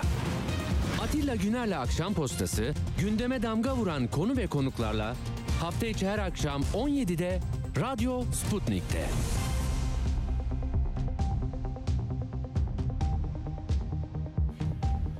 Evet efendim saatler 18 akşam postası gecikmeli rötarlı bir şekilde devam ediyor ama ne güzel ki konuşabiliyoruz derdimizi anlatabiliyoruz dertleriyle memleketin dertleniyoruz. Şimdi e, Kavala dediğiniz zaman siz kategorik olarak aa o Kavala ama ona Sorosçu diyorlar ne yapalım canım olsun 5 yılda olsun 10 yılda olsun öyle mi diyorsunuz? Demiyorsunuz değil mi? Demeyin kimseye demeyin. Çünkü onun hikayesini biliyor musunuz? Yani 1 Kasım 2017 ya. Yani Türkiye'de hiçbir yere gitmiyor, bir yerden seyahat ediyor. Şey 4 yıl olmuş gezi olayları bitmiş ama gezi olaylarının yarattığı e, her an e, toplumsal dinamikler iktidar için bir korku e, ve m, değişim işareti gibi algılandığı için 4 yıl sonra gel bakalım sen geziden böyle yaptın sonra casusluk yaptın. İşte aynı lokantadan yürüyormuşsunuz. Yani bir buçuk yıl iddianameyi bekledi. Şubat 2019'da Ahim dedi ki ya bu siyasi nedenlerle alıyorsunuz bırakın. E, Cumhurbaşkanı Erdoğan e, yani az önce yemin dediğim için söyleyeceğim onu. Hani mecliste yemin ederken hukuk hukuk da var onun içinde, adalet de var. Ama ahim ne demiş? Avrupa Konseyi ne demiş? Bizim için mühim değil dedi. Şubat 2020'de oy birliğiyle beraat ettiler. Aynı gün cezaevinden çıkmasın diye casusluk diye bir e, maddeden yeniden tutukladılar. Bir iki yıl sonra oradan da beraat edecektir. Ama o sırada haydi bir de çarşıyla geziyi birleştirelim dediler. Ma, yine ihlal dedi e, şey e, Ahim yok hiçbir şey yok. Sonra Avrupa Konseyi sizin bu e, durumunuzu biz şey yapacağız. Açık ihlal yapıyorsunuz dedi. Müeyyide uygulayacağız vesaire. Hiçbir şey olduğu yok işte. Orada 5. yılını doldurdu. Eşi eşi de e, sabahleyin şeydeydi işte İsmail'in konuydu. Yani ne desin ya ne desin ne desin? Yani hanımefendi bu, bu, bu, bu söylediğini yazılı olarak cevaplamış. Onu okuyacağım. Osman Kavala'nın Halk TV'den birkaç gazeteci arkadaşımıza Barış'a sorularını yanıtlamış da. Diyor ki Gezi davasının son perdesinde görüldüğü gibi amaçlanan seçilmiş birkaç kişiyi ağır cezalarla mahkum ederek iktidara karşı kitlesel protestolara katılanlara caydırıcı bir mesaj vermekti. Bak caydırıcılık böyle durumlarda yapılabilir. Bunun hesabını verecek, bunun bedelini ağır ödeyecek dedikleri ya cezaevinde ya yurt dışında. Ama 301 kişiyi öldürenlerin hakkındaki o olası kasla e, verilmiş her bir ölüm için bir ömür boyu hapisi Yargıtay'ın o ceza dairesinde bir gecede değişiklik yapıp tasfiye eden anlayış caydırıcılığı da ortadan kaldırıyor. Sonra işte ne oluyor? Amasra'da oluyor, Kozlu oluyor, Karadon oluyor, her yerde oluyor. Ya işte ya bak burada caydırıcılığın tek etkili olduğu yerler bunlar. Demirtaş, Kavala, işte yani diyor ki Gülenci emniyet mensupları bunları hazırladı, aldılar, kullandılar. Mantık dışı bir kurguyla inandırıcı kazan, inandırıcılık kazandırmak için benim cezaevinden çıkmamak çıkmamam gerekli görülüyor. Cumhurbaşkanı birkaç defa cezaevinde olmamı suçluluğumun kanıtı olarak ifade ifade etti. Yani gö- göre- görüyorsun değil mi bu çifte çifte çifte adaletsizlik. Yani hem özgürlüğünden alıkoyuyorsun koyuyorsun onu cezaevine bak o suçlu Sorosçu onun için cezaevinde diyorsun. Beraat ediyor beraat edenleri değiştiriyorsun. Oradan mahkemeyi değiştiriyorsun. Buradan bu yani değiştir değiştir. Yani ne olacak işte? Her şeyin yeri değişiyor. Acılar da orada yaşanıyor. Ama bu, bu Türkiye'nin zaten her zaman hikayesi böyle. Alın işte bir e- ayrılık, bir eş meselesi, üvey anne, kız meselesi e, ne oldu? Rüşvetin belgesi diye çıktı. Biz Vatan Gazetesi'nde Şaban Dışlı ile ilgili bunu yaptığımızda üzerimize çok sert e, şeyler de geldi ama biz direndik. Dedik ki bak böyle almış. Bir Silivri'de bir yer üzerine değişiklik yapılacak. Para vereceğim diyor adam. Ne yani? Gitti onunla konuştuk vesaire. Neyse. Şaban Dişli istifa etmek zorunda kalmıştı. Şimdi nerede? Bir görevde değil mi?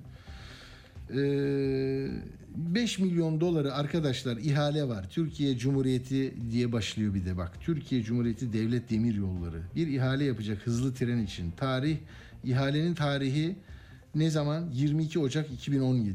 Bundan 2 6 gün önce oturup bir belge imzalanıyor. TCDD Genel Müdürü Süleyman Karaman'a 5 milyon doları vermeyi taahhüt ediyor Ahmet Ergün ama taksitle. Tamam mı? 5 yıl vadeli. Rüşvetin taksiti olur mu, belgesi olur mu? Hepsi olur. Şu ana kadar konuştu mu bunlar? Uğur bir daha bak. Burada adı geçen adamlar konuşmadılar. Çünkü konuşmuyorlar.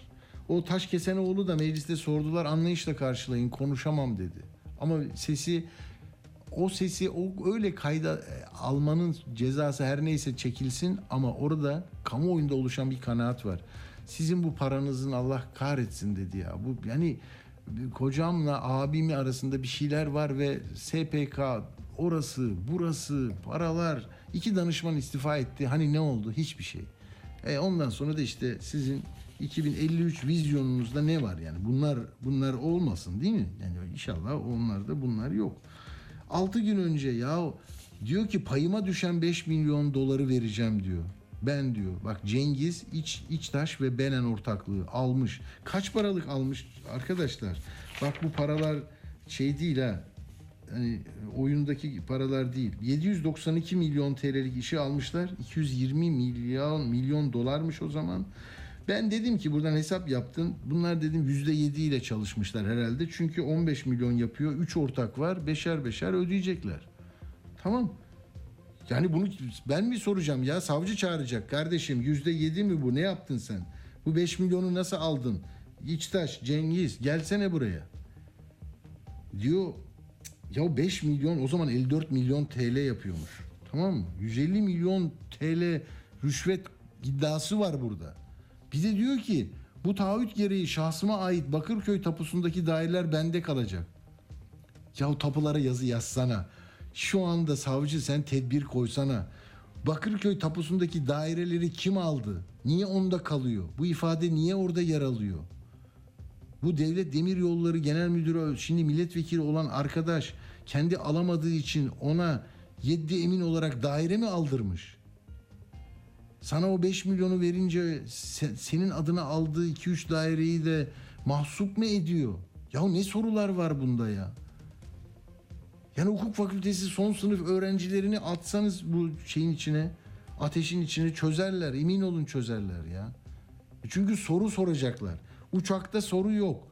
Gençlik festivalinde soru yok. Mecliste soru yok. Plan bütçe komisyonunda soru yok. Sorma, konuşma, sus. Sorgulama.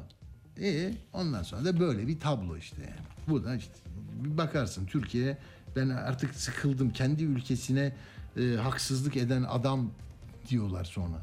Ya bu tabloyu kim yaptıysa o, o- onlarla görüşün. Al. Ya bunu bak bilmiyorum televizyonlarda buna dikkat çekiyorlar mı? Bakırköy tapusundaki daireler bende kalacak diyor.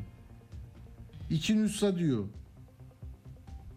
Dördüncü Ağır Ceza Mahkemesi bunu adli emanete koymuş. Çünkü bu iş adamının Türgev'in başında Ahmet Ergün, İBB'de Erdoğan'ın belediye başkanlığı döneminden beri özel bürokratı yani e, ku- kuvvetli konumu olmuş. Milli görüşten gelme. Türgev'i almış, yönetmiş. Sonra ikinci eşi Sibel Hanım var. İlk eşinden olan kızı diyor ki Sibel Hanım benim diyor babamın bütün paralarını çarçur etti, kaçırdı. Hukukta diyorlar ki buna mal varlığı değerlerini aklama. Buharlaştı babamın parası. Yarın bize kalacak olanlar da gitti. Dolayısıyla bir kadın da diyor ki Sibel Hanım da alın diyor ya ben diyor o diyor kiralardan aldığı parayı da rüşvete gidiyordu diyor. Eşinin kasasında gizli bir şekilde aldığı e, rüşvet belgesini veriyor ya. Bir de diyor ki ki- kira gelirlerini ben almadım ki diyor. Kira gelirlerini aldığı ihaleler karşılığında bazı şahıslara rüşvet olarak verdi. Aman ya Rabbi. Biz bunlarla ilgilenmeyeceğiz ama şarkı sözlerinde hani kutsallarımıza bir şey var mı diye siz çalışın tamam mı? Bakın hangi şarkıda ne var 10 yıl sonra? Hangi konserde hanımefendi bir şey demiş? Hani Melek Mosso nerede çıkamazmış? Edip Akbayram neden oraya gelemezmiş? Onları çalışın siz. Tamam mı? Burada alsın gitsin. Yani parayı alan gitsin. Daireler oraya gitsin. Buradan buraya gitsin. Ama İSKİ, İSKİ ile hatırlıyoruz bunları. O zaman ne güzel soruşturuldu. Değil mi? İSKİ de böyle bir şeyden patlamadı mı? Onu zaman zaman İSKİ skandalı diye konuşuyorsunuz. Ne bileyim ya. Bu, bu çok bu çok iş ya. Bu çok iş. Hakikaten yani bu e, seçimlerden sonra aklı selim bir şey olursa yönetim biçimi bunların hepsi soruşturulur ya. Böyle durur mu bunlar ya? Bunlar ne ya? Bunların içinden ne çıkar? Hiçbir şey çıkmaz. Hadi ara veriyorum ben. Tanıtım veriyoruz. Yeni bir soluk diye çıktık yola. Akşam postasından hepinize iyi akşamlar efendim. İşimizi yaptık, sorduk, sorguladık. Yargı burada daha net tavır koyabiliyor mu? O aşamalarda ne çıkıyor önümüze? Aldığımız ödüller sorumluluğumuzu ve inancımızı arttırdı. Radyo yayıncılığı ödülü kazananı Atilla Güner, akşam postasında birçok konuya dikkat çeken yayınları sebebiyle layık görüldü. Ve Mimarlar Odası Ankara Şubesi kent korumasına katkıları nedeniyle radyo haberciliği ödülünü Akşam Postası'na verdi. Atilla Güner'le Akşam Postası hafta içi her gün saat 17'de tekrarıyla 22.30'da Radyo Sputnik'te. Evet bir iki notum var hemen bağlanacağız. Bir de sağlığımızı da korumamız lazım. Yani bu kadar gergin bir ortamda konuşuyoruz, araştırıyoruz. Ona da e, doçent doktor Muhammed Keskin'le kardiyolog konuşacağız. İki notum var. İstanbul Ticaret Odası biliyorsunuz TÜİK'ten önce yapar. İstanbul'da Ekim enflasyonu açıklandı. Şimdi buradaki tabloyu size şöyle özetleyeceğim.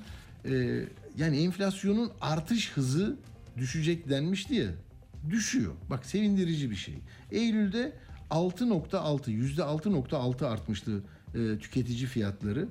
E, şimdi 3.96 arttı. Ama ne oldu? Geçen geçen sefer yüzde 107.42 idi Eylül'de. Şimdi bu küçük artışa orantılı bir şekilde 108.8 oldu. Yıllık enflasyonu İstanbul'un yani e, ne diyor ona E, İstanbul'da fiyatlar ücretliler geçinme indeksinde yüzde 108.8 toptan eşyada da 104.21 olarak gerçekleşti.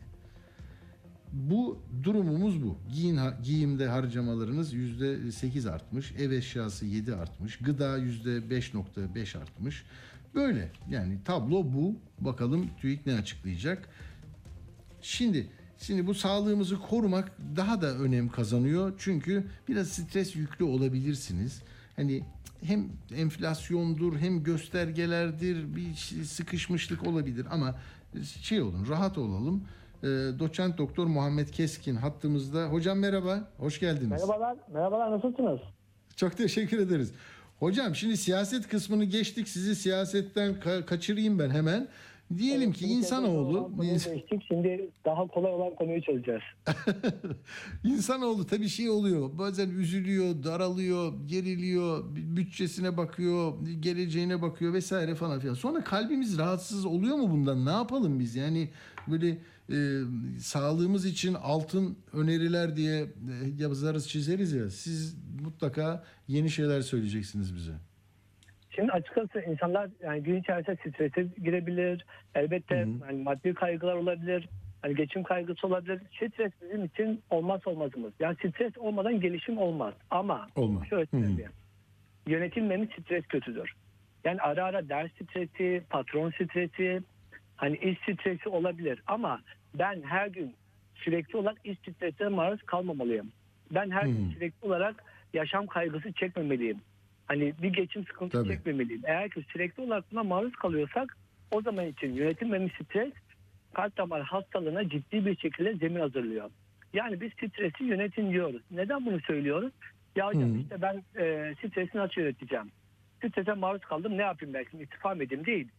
Bunun en azından hani Hı. dışarıdan bir e, bizi uyaran, bize zarar veren bir şey olduğunu, gün içerisinde buna maruziyeti azaltmamız gerektiğini ya da egzersiz gibi, e, tansiyon kontrolü gibi, kan şekeri kontrolü gibi böyle senelik kontrollerimizi yaptırarak bundan etkilenme olmuş mu olmamış mı erkenden önlem almaya gerek var mı yok mu bakılmamız gerekiyor. Ama şunu söyleyeyim. Çok önemli. Hı. En önemli Gıda hocam sonra bir de tabii yani bizim tüketiyoruz, yiyoruz, içiyoruz. Oralarda da değil mi? Onlarda da sizin Tabii ben okudum. öyle. Hani şekeri şekeri çıkarın diyorsunuz. Uyku öncesi var. Mesela onlar da çok kıymetli hocam. Onları atladık yani. Memleket böyle şeyleri daha çok konuşuyordu. Şimdi az konuşuyor. Ya bir de şundan oluyor. e, şimdi geçim kaygısı olunca diyorlar ki insanlar ya ne Evet. olsa yani sağlık yani konu sağlığa gelene kadar bizim daha halletmemiz gereken çok mesele var. Aslında öyle değil. Yani sağlığımız 50'li yaşlarda 60'lı yaşlarda bir anda gitmeye başlayınca bir süre sonra o kazandığımız paranın da bir önemi kalmıyor. Ben bunun için her zaman için hastalarıma şunu söylüyorum. Hani beş önemli madde var. Ya mesela e, uyku. Uyku bunlardan en önemlisi. Neden? 7 saatin altında kalan uyku bizim kalp damar hastalığımızı ciddi bir şekilde tetikliyor. Ya hocam ben 12'de yatıyorum 6'da kalkıyorum. İmkansız. Yani 6 saat uykuyla 5 saat uykuyla sağlıklı bir şekilde kalmanız imkansız. Ama hocam ben ertesi gün dinç hissediyorum. Neden dinç hissediyoruz? Stres çok fazla. Stres bizi uyanık tutuyor. Çok fazla kafein, çay, kahve içiyoruz. Kola içiyoruz. Uyarıcılar alıyoruz. Bu uyarıcılar bizi uyanık tutuyor. Ama bizim insülinimiz yükseliyor, kortizolumuz yükseliyor, kan şekerimiz yükseliyor, tansiyonumuz yükseliyor. Metabolik sendrom hastası oluyoruz. O yüzden 7 saatin altındaki uyku kabul edilemez. Hocam ama zorla da zorla da bir insanı nasıl uyutacağız? Benim çok arkadaşım var. 5 saat bana yetiyor diyor. Hele anneciğim tabii daha yaşlı o ben diyor çok erken kalkıyorum diyor. Onun için beni erken yatırmayın diyor. Bana 5 saat yeter diyor. Nasıl oluyor yani? Çalışmalar şunu gösteriyor. Yani aslında 7 saatin altında uyku bize yeter diyenler mesela hep deriz ya yaşlılar az uyuyor. Aslında yaşlılar da ortaya uyku ihtiyacı 18 yaşından sonraki Dünya Sağlık Örgütü'nün bununla ilgili bir algoritması var. 18 yaşından sonra hiçbir yaş grubunda 7 saatin altındaki uyku yeterli değil. Ama diyelim ki ben az uyuyorum bana yetiyor diyor. Aslında yetmiyor. Sadece uyku döneminde sentezlenebilen proteinler var. Sadece uyku döneminde üretilebilen hormonlar var. Bizim bunları yeterli bir şekilde almamız gerekiyor. Akşam saat 11'e kadar ekran karşısındayım. Sürekli telefonla konuştum. Gün içinde stresliyim. Yani Hı hı. akşam 9'da eve geldim uykumuz gelmez ki.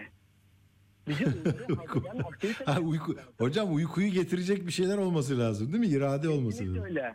Yani saat akşam 11'den sonra mesela ekran maruziyetinden tutmak lazım. Mesela Hmm. bir duş alınabilir. En azından hani hafif bir müzik dinlenebilir. Kitap okunabilir. Yani bizi uykuya hazırlayan aktivitelere girmek lazım. Ben akşam E, tatlı krizim var diyor mesela. Tatlı krizim var diyor. 11'de arıyor baklavacıdan geliyor yarım kilo kadayıf. Ne olacak hocam? isterse 11'deki tatlıyı yesin, e, 8 saat uyusun isterse. Hiçbir zaman Ha. uyku yani uyku kalitesi e, uykudan önceki 3 saati bir şey yemeden geçiren birinin uyku kalitesi kadar olamaz. Çünkü karbonhidratlar uyku kalitesini alt üst ediyor. Yani gece yatmadan önce biz hani diyoruz ya uyku öncesi 2 saat bizim için çok önemli. Yani neden bu önemli? Çünkü e, bu zaman diliminde bağırsaklara bir şey girmesi, bağırsaklara sinir faaliyetlerine devam etmesi bağırsaklar vücuttan kanı çalıyor. Yani vücudun dinlenmesi lazım ama bağırsaklar kanı çalıyor ve burada hani buradaki aktivite devam ettiği sürece uykunun kalitesi azalıyor. Melatonin azalıyor. Uyku bizim için tam bir tam bir dinlenme hali olması lazım. O yüzden yatağa yatmadan iki saat önce bir şey yiyip içmiyoruz artık. Hani bir saat öncesi kadar yine su içebiliriz. Ya da yatmadan önce bir bardak su içebiliriz ama sürekli olarak bir şey yiyip içme hali olmaması lazım. Ya çok fazla yiyoruz. Ama kalitesiz yiyoruz. Bir de meyve böyle hani meyve doğranır diye ben çocukluğumdan beri biliyorum. Böyle televizyon karşısında meyveler gelir mevsimine göre. Millet onu yer ondan sonra uyurdu. Mesela biz Türk toplumunda yanlış yapılan şeylerden bir tanesi bu. Akşam 9'dan sonra mesela önce bir çay içilir. Çay seansı Hı. biter, meyve seansı başlar. Ya akşam Evet. 9'dan sonraki meyve vücuda sadece şeker yüklüyor. Sadece kan şekerini yükseltir. Yine lifini alırız, yine vitaminlerini alırız ama meyvenin bize metabolizmamıza faydasını olmasını, faydalı olmasını istiyorsak bir öğle vakti, bir ikindi vakti tüketilmeli. Ya tok karnına meyve tüketilmez.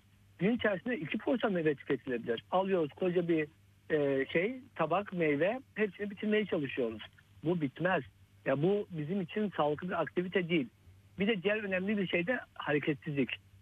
Ya insanların insanlar geliyor. Ben burada hani daha fazla popülasyona hitap edebileceğimi düşünerek şunu söylemek istiyorum. Çok fazla oturuyoruz. Çok oturuyoruz. Çok çok fazla hocam. Oturuyoruz. Oturuyoruz. Oturuyoruz doğru. Çok doğru.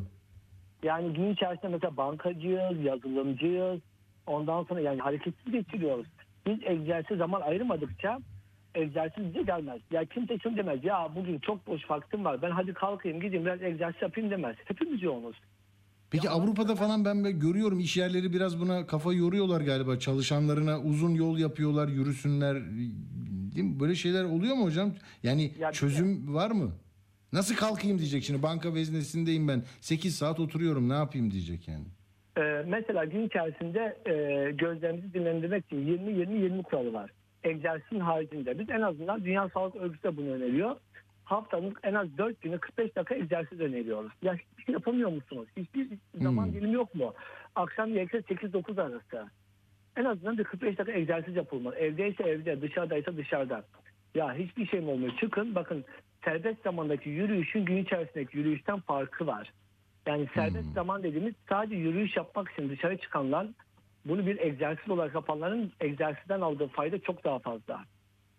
Yani ben gün içerisinde hocam 8 bin adım atıyorum zaten. Hayır bu değil. Egzersiz zaman alınması gerekiyor. Minimum 15 dakika 20 dakikalık intervaller olması gerekiyor. Avrupa'da bu süreç şöyle yönetiliyor. Çalışma süresi belli. Diyelim ki 8 saat. Yani Türkiye'de yani insanlar 8'de işe giriyorlar, akşam 6'da çıkıyorlar. Bu sürdürülebilir ve sağlıklı bir çalışma temposu değil. Sağlığımızdan oluyoruz. Ne yapacağız? Gerekli öğle arası, gerekli iş çıkışı. Mutlaka yapmamız gerekiyor. Zaten Türkiye'de bir insan yani Avrupa'daki e, yaşıtlarından neredeyse iki katı çalışıyor. Bu ayrıca doktor için de geçerli. Ayrıca mimar için de bankacı için de. Yani genel olarak çalışma tarzımız hareketsiz olduğu için, içinde e, kan şekerimiz, nabzımız, tansiyonumuz daha dalgalı oluyor. O yüzden Hocam dinley- dinleyicimiz bir, bir- bir- sevgili dinleyicimiz Muharrem Palaz diyor ki "Pa- hocam pandemi süreci ve ekonomik sıkıntılar ne kadar artış sağladı? Yani bir şey var mı? Ee, böyle bir yakınma var mı sizin e, hastalarınızdan da? Hani pandemi Çok fazla var. Ben kardiyoloğum. Her gün muayenelerini en az 2-3 kişi hocam pandemi döneminde aldığım kiloları veremedim Ya. diyor. Çünkü pandemi döneminde bir yıl içeride kaldı. Bir yıl hareket edemedi. O stres, hastalık stresi, hasta olacak mıyım kaygısı. İnsanlar egzersiz unuttu. Ya zaten bir hastalık kaygısı, bir geçim kaygısı olduğunda egzersiz her zaman yabana atılıyor. Egzersiz sanki bir lüksmüş gibi, bir hobiymiş gibi görülüyor. Aslında öyle değil. Çok Egzersiz doğru. olmazsa olmazımız. Mutlaka olması gerekiyor. Hani bir de para verilip bir spor şeyine me- mekanına yazılmak değil değil mi hocam? İlla o mu lazım? Asla şart değil. Ya mesela evde yapabilecekleri ben pandemi döneminde açık söyleyeyim evde yaptım. Bir sene Hmm. boyunca evde yaptım egzersizimi. Evde yapılabilecek çok güzel egzersizler var. Ya bunun için çok güzel kaynaklar var. YouTube açılır, izlenir 15 dakikalık, 20 dakikalık mükemmel egzersizler var. Sadece buradaki videoları izleyerek e, kendilerine çok güzel bir egzersiz şablonu çıkarabilirler. Bunlarla ilgili eğitmenler var. Eğitim desteği alabilirler ve evde yapabilirler. Ya hiçbir şey yapılamıyor mu? Akşam yemekten sonra 20 dakika yürüyüş yapmak kan şekeri yükselmesini ve insülin yükselmesini riskini ciddi bir şekilde azaltıyor. Hiçbir şey yapamıyor mesela. Yemekten sonra çık 20 dakika yürü. Şeker Ama işte İstanbul ihtimali- hocam böyle çok kentlerde yaşıyorsanız da o arabalar, egzoz çok da çekici olmuyor değil mi? Yani bir, bir, bir de bu orada da bir sorun var. Yani ne, ya şimdi bizim Ka- Kadıköy tarafında sahilde düşünün e, ne güzel alanlar var yürümek için. Evinizden çıkıp oraya gelebilirsiniz ama herkese de nasip olmuyor öyle e, sıkıntılı bir tablo çıkıyor karşınıza. Ya, ya şimdi her insanın bu şansı olmuyor maalesef. Bunu neden Evet. söylüyorum? Tamam diyelim ki Kadıköy'de oturuyorsunuz. Ateşehir'de işe gidip geldiniz. Ya Kadıköy dedim hani biraz da içerilerde bir yerde. Evet. diyelim ki içeride bununla ilgili bir alanınız yok. Bunu öğle arası üretmelisiniz. Ya bu Hmm. üretilmeli. Gerekirse Ha erken iki durak önce inip belki yürüyeceksiniz. Daha güzel bir şey değil mi? Bu bile bir aktivitedir aynen. Hmm. İş yerinde çalışıyoruz mesela. İş yerinde eğer ki stres üzerine faydalı çok önemli bir şey daha söyleyeceğim. Derin nefes egzersizleri. Hmm. Ya mesela e, stres, kaygı gibi durumlar yüzünden bizim egzersiz şey nefesimizin e, sıklığı artıyor. Nefes yüzeyleşiyor. En azından saatte bir defa bir dakika boyunca 4-7-8 kural diyoruz buna. 4 saniye boyunca nefes almak. Bunlar tamamen burundan yapılıyor. 7 Hmm. saniye boyunca içimize tutmak ve 8 saniye boyunca yavaşça vermek. Bakın saatte bir, dakika, bir defa e, yani bir dakikamızı verirsek buna toplam 3 defa yapmış oluyoruz bu egzersizi. Bu kişiler daha tansiyon hastası oluyorlar. Ya aslında Bunların eğitimi bile var hocam değil mi? Ben görüyorum e, hatta konuştuk bir e, nefes eğitimi veren yerler çoğaldı. İhtiyaç demek ki. Çünkü kaygı gibi durumlar, stres gibi durumlar bize nefes almayı unutturuyor. Bakın bir bebek doğduğunda e, aldığı nefes tam bir nefestir. Diyaframdan alır, diyaframdan verir. Bir nefes diyaframdan almıyoruz. Göğüs kaslarımızı şişirmeye çalışıyoruz. Ama göğsün kapasitesi belli. Bizim diyaframı kullanmamız lazım. E, bir de Çok doğru. bir kas, kas tabakası olduğu için öğrenebilir. Yani kemiklerimize bir şey öğretemeyiz ama kaslarımızı öğretebiliriz. Kaslarımızı geliştirebiliriz. Sadece Çok diyafram doğru. nefesiyle kaygı ve stresimizi azaltabiliriz. Diyelim ki ekrana bakıyoruz. Uzun süre ekran maruziyetimiz var. Ee, 20-20-20 kuralı var. Ekrana baktığımız süre uzunsa her 20 dakikada bir en az 20 saniye 20 fit dediğimiz bu da yaklaşık 6-7 metre yapıyor. 6 metre uzağa bakmak. Yani sürekli ekrana bakmak da bizim için bir hastalık. Önemli. çalışıyor. Hocam zaman zaman sizi ko- konuk almak istiyorum. Benim sürem de bitiyor. Yeni bir program başlayacağı için arkamızdan doçent doktor Muhammed Keskin çok faydalı oldu hocam. Çok pratik, harika önerilerinizi dinleyenler de yazıyorlar bana. Ee, çok memnun olmuşlar. Çok teşekkür ederim katkı sunduğunuz Ben için. çok teşekkür ederim davetiniz için. İyi programlar. Hoşçakalın. Sağ olun hocam, sağ olun. Evet burada bitiriyoruz ve hepinize iyi bir akşam diliyorum. Hoşçakalın.